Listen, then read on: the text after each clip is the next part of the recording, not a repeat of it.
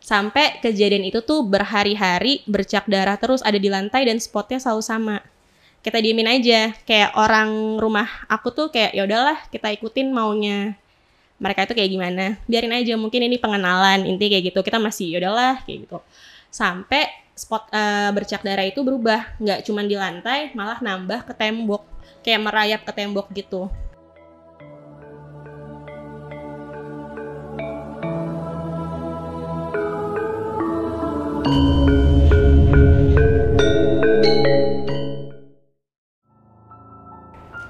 semua, my name is Maha. Jadi, kali ini aku ngebajak narasi misteri. Kemarin sempat jadi narasumber di sini, terus aku bilang ke semua orang bahwa kalian boleh uh, input atau submit cerita misteri kalian dan salah satu follower di YouTube aku, salah satu um, follower di Instagram aku juga submit kemarin jadi kita kejar dia buat datang ke sini buat cerita.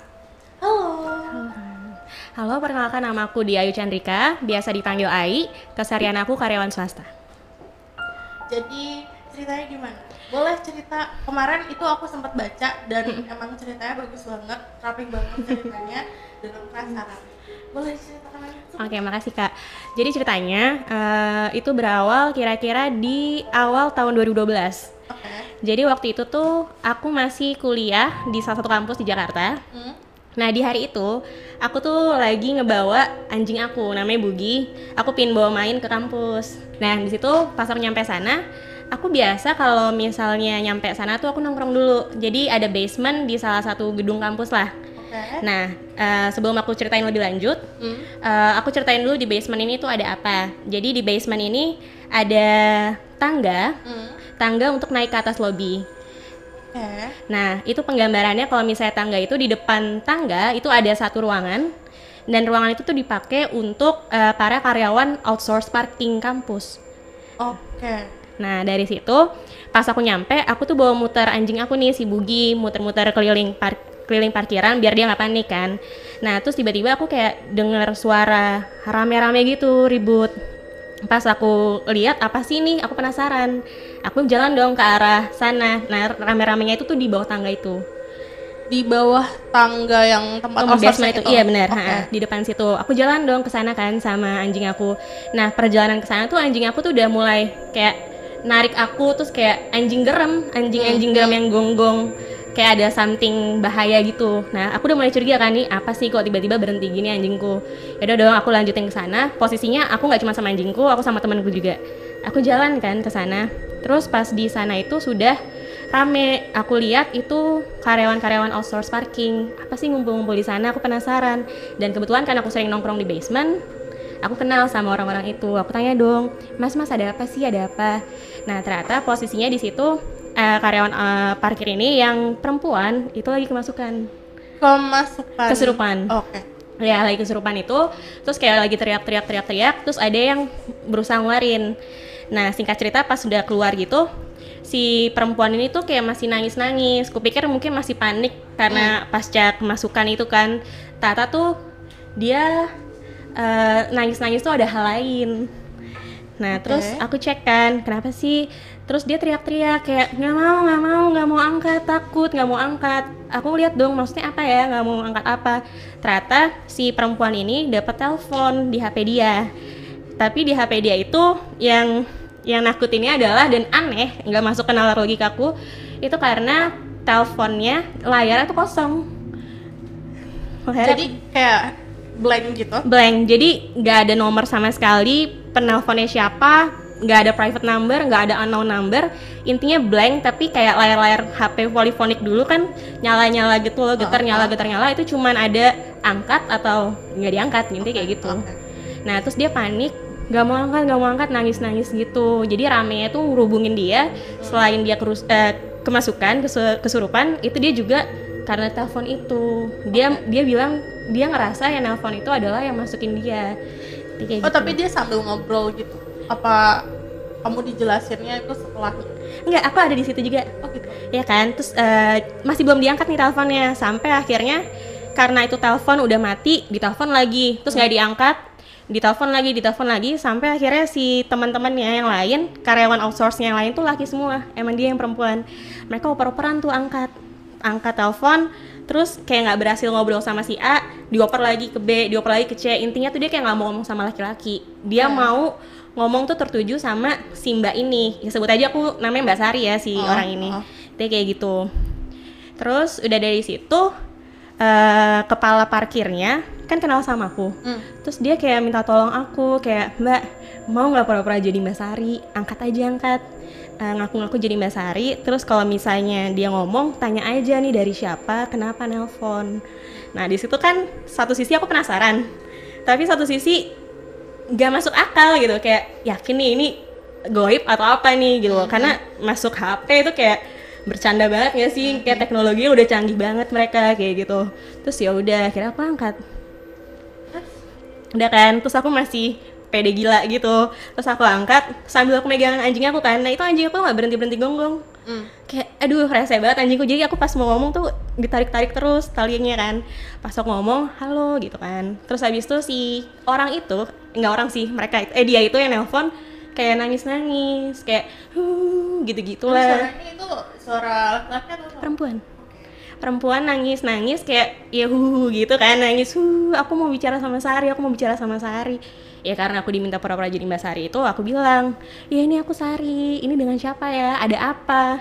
Nah itu perubahan intonasi nada itu jelas banget dari yang tadi dia nangis sedih kayak minta pertolongan tiba-tiba galak galak banget. Terus?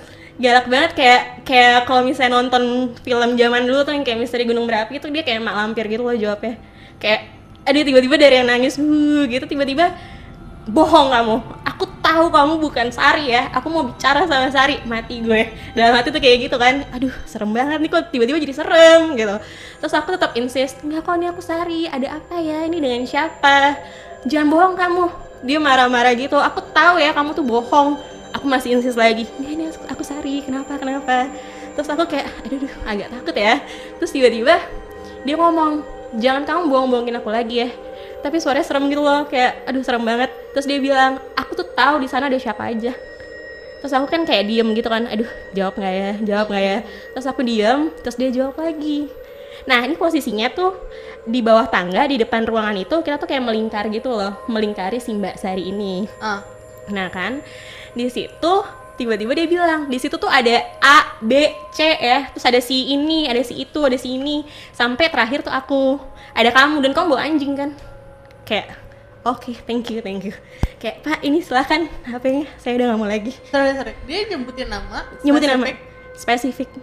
Dan itu zaman pakai handphone telepon ya? Ya di 2012 tuh kan iPhone udah ada, Ah. BB juga udah ada, tapi kebetulan si mbaknya ini pakai HP-nya yang itu Oh, jadi ini bukan video call, tapi ini telepon. Oke. kayak aduh nggak nggak banget nih udah terlalu bercanda nih seremnya tuh bercanda banget akhirnya aku kayak "Ya, ini silakan saya udah nggak mau lagi saya udah nggak mau lagi karena dia bener-bener spesifik ada kamu dan kamu bawa anjing kan nggak nggak nggak bisa Terus? terus ya udah terus anjingku tuh kayak gonggong terus kan gonggong tapi dia sekarang ngarahnya aku paling kanan. Nah aku lupa cerita posisinya di bawah tangga itu ada gudang. Pintu gudang gitu. Dan anjing itu posisi kesurupannya di depan gudang itu? di depan ruangan. Oh, oke. kayak gitu kan. Terus aku kan sambil megang anjingku anjingku tuh masih gonggong-gonggong ke arah gudang. Itu kan kalau gudang itu ada di ekor mata aku dong berarti kan aku paling kanan kan. Aduh lihat nggak ya? Lihat nggak ya feeling gue nggak enak banget nih kayak gitu dalam hati aku kan. Terus aduh nggak nih nggak nih. Tapi panas badanku. Terus Terus? kayak "Hmm, nengok nggak ya? Nggak usah deh nggak usah nengok tapi aku tahu jangan-jangan dia ada di situ. Terus ya udah dong dari selesai dari situ karena dia insist mau ngomongnya sama Mbak Sari akhirnya Mbak Sari yaudah deh sini deh aku angkat. Kayak gitulah. Terus ya udah akhirnya diangkat sama Mbak Sari ngobrol tuh. Hmm. ngobrol-ngobrol-ngobrol-ngobrol kita masih stay di situ sampai akhirnya Mbak Sari itu udah selesai teleponan. Sudah selesai teleponan terus pesan yang diterima sama Mbak Sari adalah si dia yang nelpon itu memang yang ngerasukin si Mbak Sari. Terus dia cuman pesan bahwa tolong dong kenapa sih kalian tuh udah jelas-jelas kalian tinggal kerjanya di ruangan itu terus orang lalu lalang lewat situ. Kenapa sampah tuh selalu ada di situ? Puntung rokok lah terus kalau ada sampah dibiarin aja kayak gitu. Kayak gitu sih. Terus habis itu tolong dibersihin karena saya tinggalnya di sini. Itu pesan pertama. Oh kita cuman oh ya udah deh kita bersihin aja. Awalnya kayak gitu. Tiba-tiba si mbak Sari itu ngomong lagi dan mbak Sari ngomongnya sambil nangis. Mungkin kebawa emosi atau kayak gimana. Dan takut soalnya si dia itu ngakunya sebagai mahasiswi kampus aku Nah, waktu itu dia bilang dia itu eh, termasuk korban dari ledakan bom kedubes dekat tempat dekat kampus aku. Jadi posisinya waktu itu dia lagi nyebrang mau nyebrang ke jembatan penyeberangan, tiba-tiba ledakan bom. Itu di tahun 2000 2000-an kalau nggak salah. Nah, di situ posisinya dia itu mau ke kampus karena sidang skripsi. Karena dia kecewa, mungkin dia gagal atau kayak gimana, jadi energinya itu masih ngumpul di situ. Jadi dia stay di kampus deh dia ternyata stay-nya di gudang itu. Lalu sehabis kejadian telepon-teleponan itu, Ya udah bisa kita bersihin, kita pel, kita sapu apa segala macam. Yang tadi aku mau kuliah juga, udah cabut aja deh. Ini udah aneh gitu kan. Jadinya kita tuh semua rame-rame itu habis bersih-bersih terus kita doain segala macam. Ya udah kita bengong aja. Nggak masuk akal ya. Kok bisa ditelepon ya? Kayak gitu-gitu loh masih yang masih perang gitu loh antara logika sama kejadiannya itu. Heeh. Karena karena kan itu teknologi kan Iya jatuhnya. aneh kan, maksudnya Uh-uh. gaul banget mereka gitu loh, maksudnya udah sampai situ. Oke lah, mungkin kalau dulu di film-film horor aku juga sempat ada film-film horor yang kayak telepon berdering, telepon rumah gitu ternyata diganggu. Tapi ini HP gitu loh. Jadi aku sempat denger tadi Mm-mm. nangkep kalau kamu bisa sesensitif itu yang kamu bisa tentang di gudang itu. Boleh nggak kamu ceritain awal mula bisa jadi sensitif yang bisa ngerasain hal kayak gitu sejak kapan? Oke, aku mau cerita itu waktu aku kelas 3 SD. Oke. Jadi waktu itu pas masih di sekolah, teman-teman di kelas itu pada main jelangkung. Pada main di meja gitu, jelangkungan pakai koin dan kertas. Terus aku nggak ikutan, tapi aku penasaran apa sih ini bercandaan doang apa kayak gimana? Paling mereka cuman aku mikirnya dalam hati ah paling bercanda doang nih geser-geser Hmm. koin doang. Udah pulang dari situ malamnya aku kualat kayaknya. Karena pas malam aku tidur aku kebangun kayak ada yang manggil. Posisinya tempat tidur aku itu menghadap ke pintu kamar. Di pintu kamar di pintu kamarku itu ada gantungan. Tapi gantungannya tidak ada bajunya saat itu. Nah, aku ngeliat si gantungan ini tuh berubah. Tiba-tiba kok gantungannya kayak ada kepalanya, batok kelapa gitu, terus kayak ada kain gitu. Jadi kesannya tuh kayak orang-orangan gitu, kayak Oke. ngegantung di pintu. Terus aku kan kayak apa sih ini? Apa sih? Apa aku salah lihat karena gelap? Tapi makin aku lihat, makin aku lihat, makin jelas.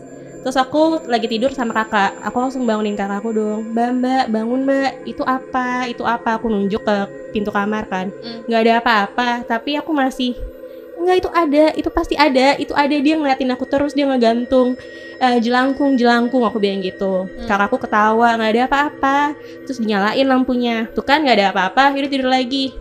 Akhirnya tidur lagi dong. Kebangun lagi ngeliat beneran masih ada.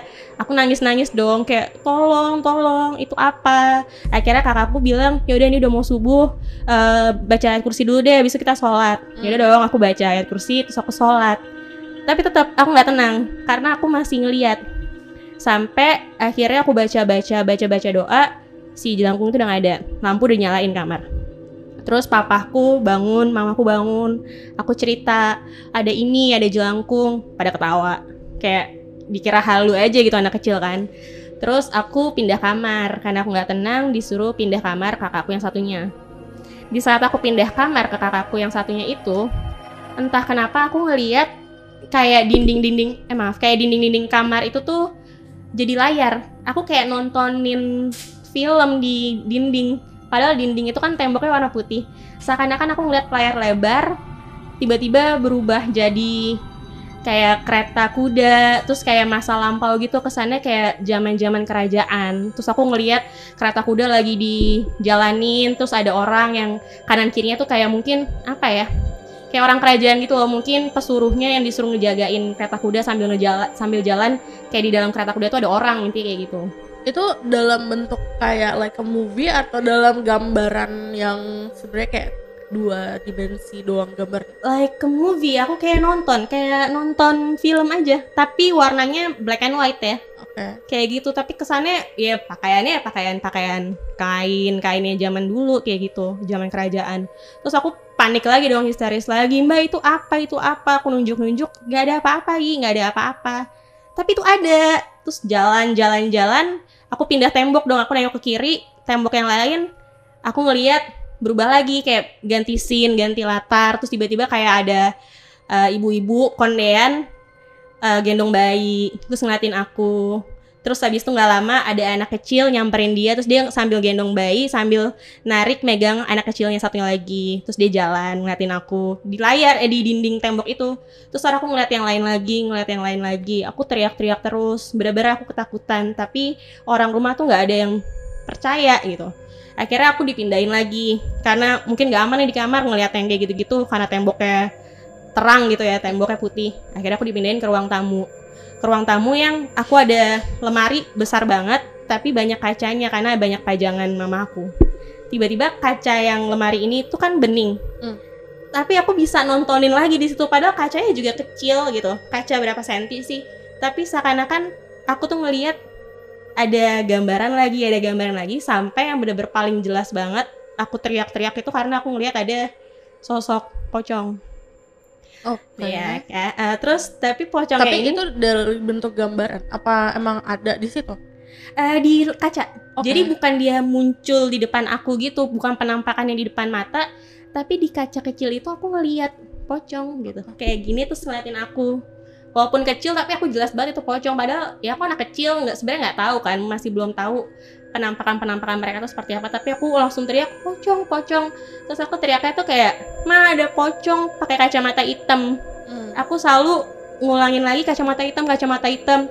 Makin ketawa orang rumah. Mana ada pocong pakai kacamata hitam? Udahlah kamu bercanda aja kamu tidur eh, mimpinya aneh-aneh. Mungkin kamu habis nonton film apa kali? Gitu-gitu lah. Aku masih di denial gitu loh eh, sama keluarga aku. Terus aku kesel sendiri aku nangis sendiri karena aku tidak bisa menjelaskan kok nggak ada yang percaya sih? Hmm. gitu loh. Terus ya udah akhirnya eh, udah menuju pagi aku udah ketiduran udah tuh udah nggak pernah ada apa-apa lagi. Di situ titik balik pertama. Ke besok besoknya udah nggak kenapa-napa sampai aku beranjak SMA beranjak SMA aku udah mulai makin ngerti kan karena dari situ banyak kejadian-kejadian aneh.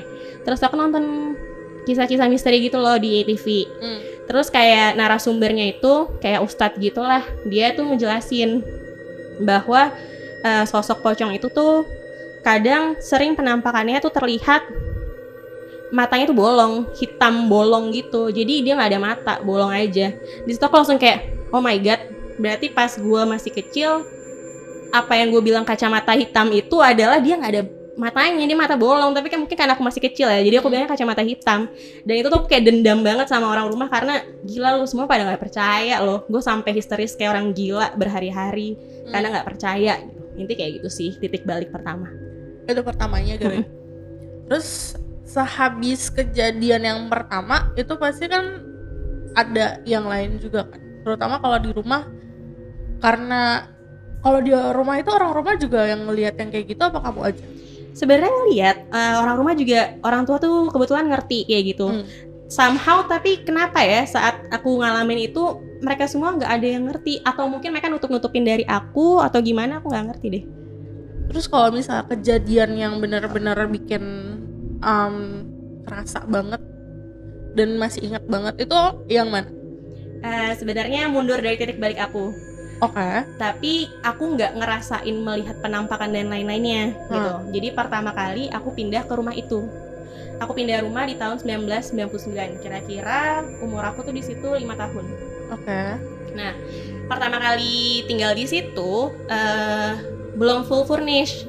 Jadi waktu itu masih hari-hari pertama tinggalnya kita nginep bareng. Pokoknya aku kan kakakku dua, aku dan adik aku, Hmm. terus papa mama. Jadi Hmm. berenam itu tidur bareng satu kamar.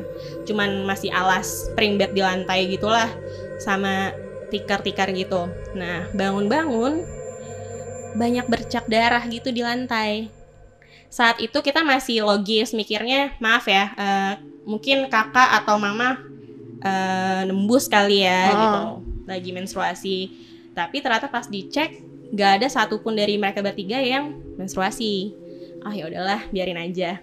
Sampai kejadian itu tuh berhari-hari bercak darah terus ada di lantai dan spotnya selalu sama. Kita diemin aja kayak orang rumah aku tuh kayak ya udahlah kita ikutin maunya. Mereka itu kayak gimana? Biarin aja mungkin ini pengenalan intinya kayak gitu. Kita masih ya udahlah kayak gitu. Sampai spot eh, bercak darah itu berubah. Nggak cuma di lantai malah nambah ke tembok. Hmm. kayak merayap ke tembok gitu masih sok logis lagi. Kayak ya paling nyamuk lah. Tapi siapa yang nepok nyamuk Oh, di tembok? Sebentar. Bentuknya itu darah bercaknya di tembok tuh spreading iya gitu. iya benar. Kayak zzzz kayak beda gitu loh. Kayak spot-spotnya macam-macam gitu. Yang di lantai juga masih ada. Dan itu terjadi berminggu-minggu. Udah dilap ntar pasti paginya ada lagi. Dilap paginya ada lagi. Kayak gitu awalnya terus ya udahlah kita diemin aja. Masih kayak gitu. Tapi juga nggak ada yang takut. Hmm, papa mamaku kayak orangnya santai banget gitu. Terus minggu-minggu pertama masih gangguan gangguannya kayak gitu. Lama-lama eh, gangguannya udah aneh-aneh. Terus suatu saat mamaku itu lagi majang keris. Kerisnya mamaku dipasang di satu ruangan. Hmm. di dinding suatu ruangan. Terus mamaku tuh cerita ke papaku eh, berhari-hari mamaku tuh ngerasa sesak nafas kayak dada itu sesek, sesek banget terutama saat ada di ruangan itu. Seakan-akan tuh kayak dayanya si keris dengan daya penunggu yang ada di situ tuh tarik-tarikan. Kira mamaku nggak betah besok besokannya mamaku insist buat udah deh kita renov kamar deh renov satu semua ruangan. Jadi dinding-dindingnya tuh dibukain. Dan kebetulan pas dinding itu dibuka ternyata banyak tempelan di setiap dinding itu sama atap mantra-mantra tapi Jawa. Hah? jadi kayak ada tempelan-tempelan di setiap sudut itu ada tempelan mantra Jawa. Oke. Oke. udah mulai bingung dong wah ini apa nih? Apakah ini ada kaitannya dengan bercak-bercak darah terus gangguan segala macem? Ini kenapa ya? Kayak gitu. Akhirnya dicabutin tuh semuanya sama mamaku udah si darah-darah itu udah nggak ada. Tapi gangguannya berubah. Gangguannya berubah menjadi ular Maksudnya? seakan-akan rumahku tuh sarang ular. Tiba-tiba ada aja ular.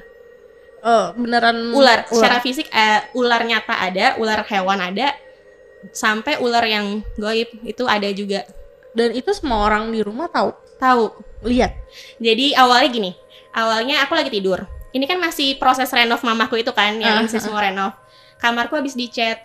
Terus eh, jendela kamarku itu jadi gini eh, tempat tidurku tuh nempel ke jendela kamar jendela rumah-rumah zaman dulu kan masih ada tralis-tralisnya gitu jadi jendelanya dibuka tapi tralisnya kan masih ada karena bau cat itu kan jadi dibuka jendelanya aku lagi tidur tiba-tiba aku kok kebangun gara-gara mamahku sama kakakku tuh kayak rame papa ada ular apa ada ular di atasnya Ai gitu ternyata di atas kepalaku itu ada ular menggantung di tralis gitu Dan kamu gak nyadar yang Iya. nyadar orang rumah. Iya, ular kobra.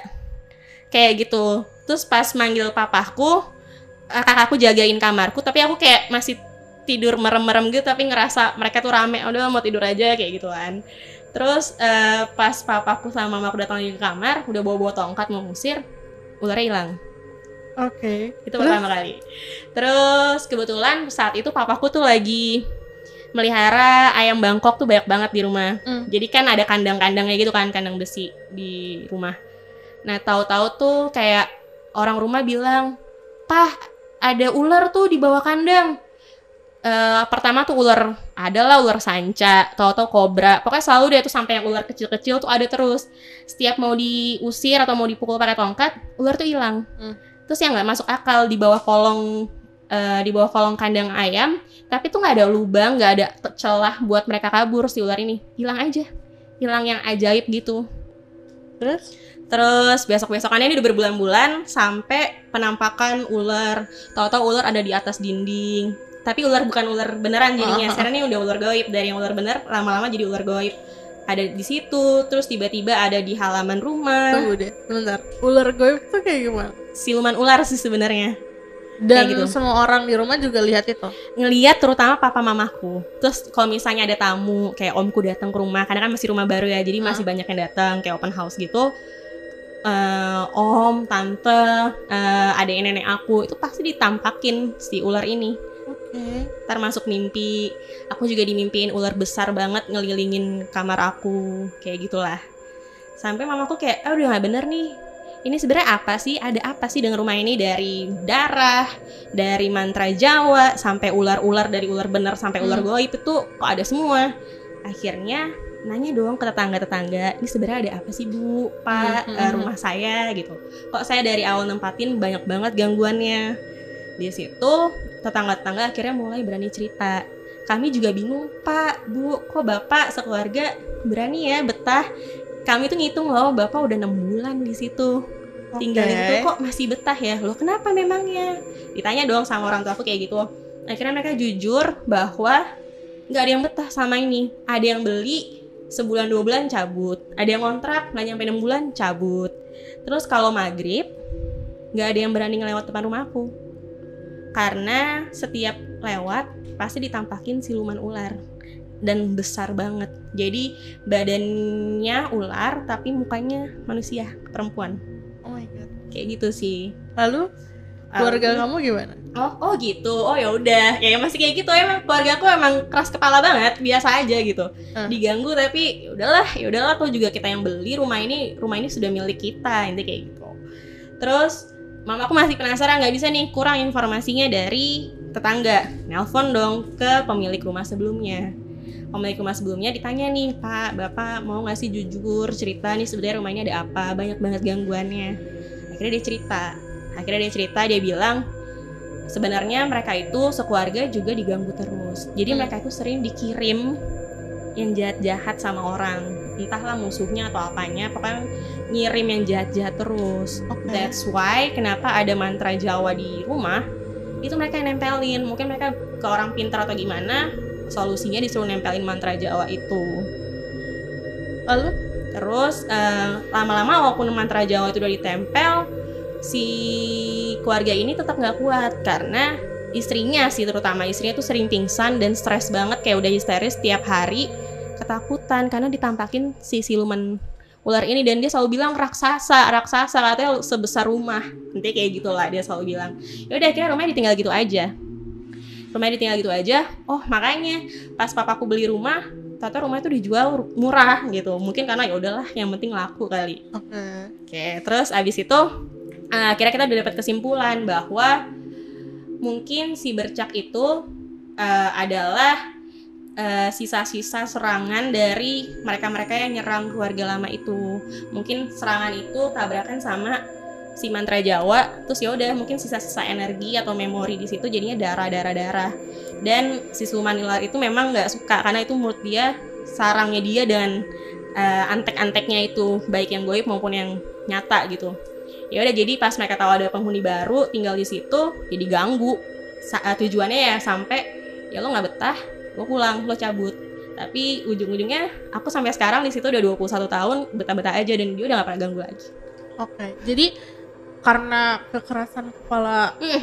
keluarga Mm. kamu itu Mm. akhirnya emang gangguannya hilang gitu aja. hilang gitu aja dan akhirnya kita kayak berteman sama yang di rumah ya damai-damai aja. Iya damai, damai udah gak ada apa-apa. Bahkan dia sering masuk ke mimpi aku karena pas banget posisinya dia itu ada di belakang kamar aku. Belakang kamar aku itu ada gudang dan Oke. halaman, halaman rumah. Dia memang bertempatnya di situ. Waktu itu dia pernah mimpi datang ke aku dengan badannya yang besar banget udah kayak nutupin kamarku. Kayak apaan nih di mimpi kayak gini.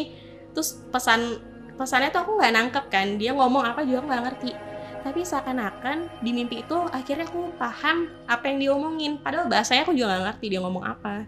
Terus yang lidahnya menjulur-julur gitu loh. Terus kayak bangun-bangun aku langsung mah bersihin gudang yuk. Bersih-bersih kita. Kayaknya aku dimimpiin dia nyuruh bersihin deh.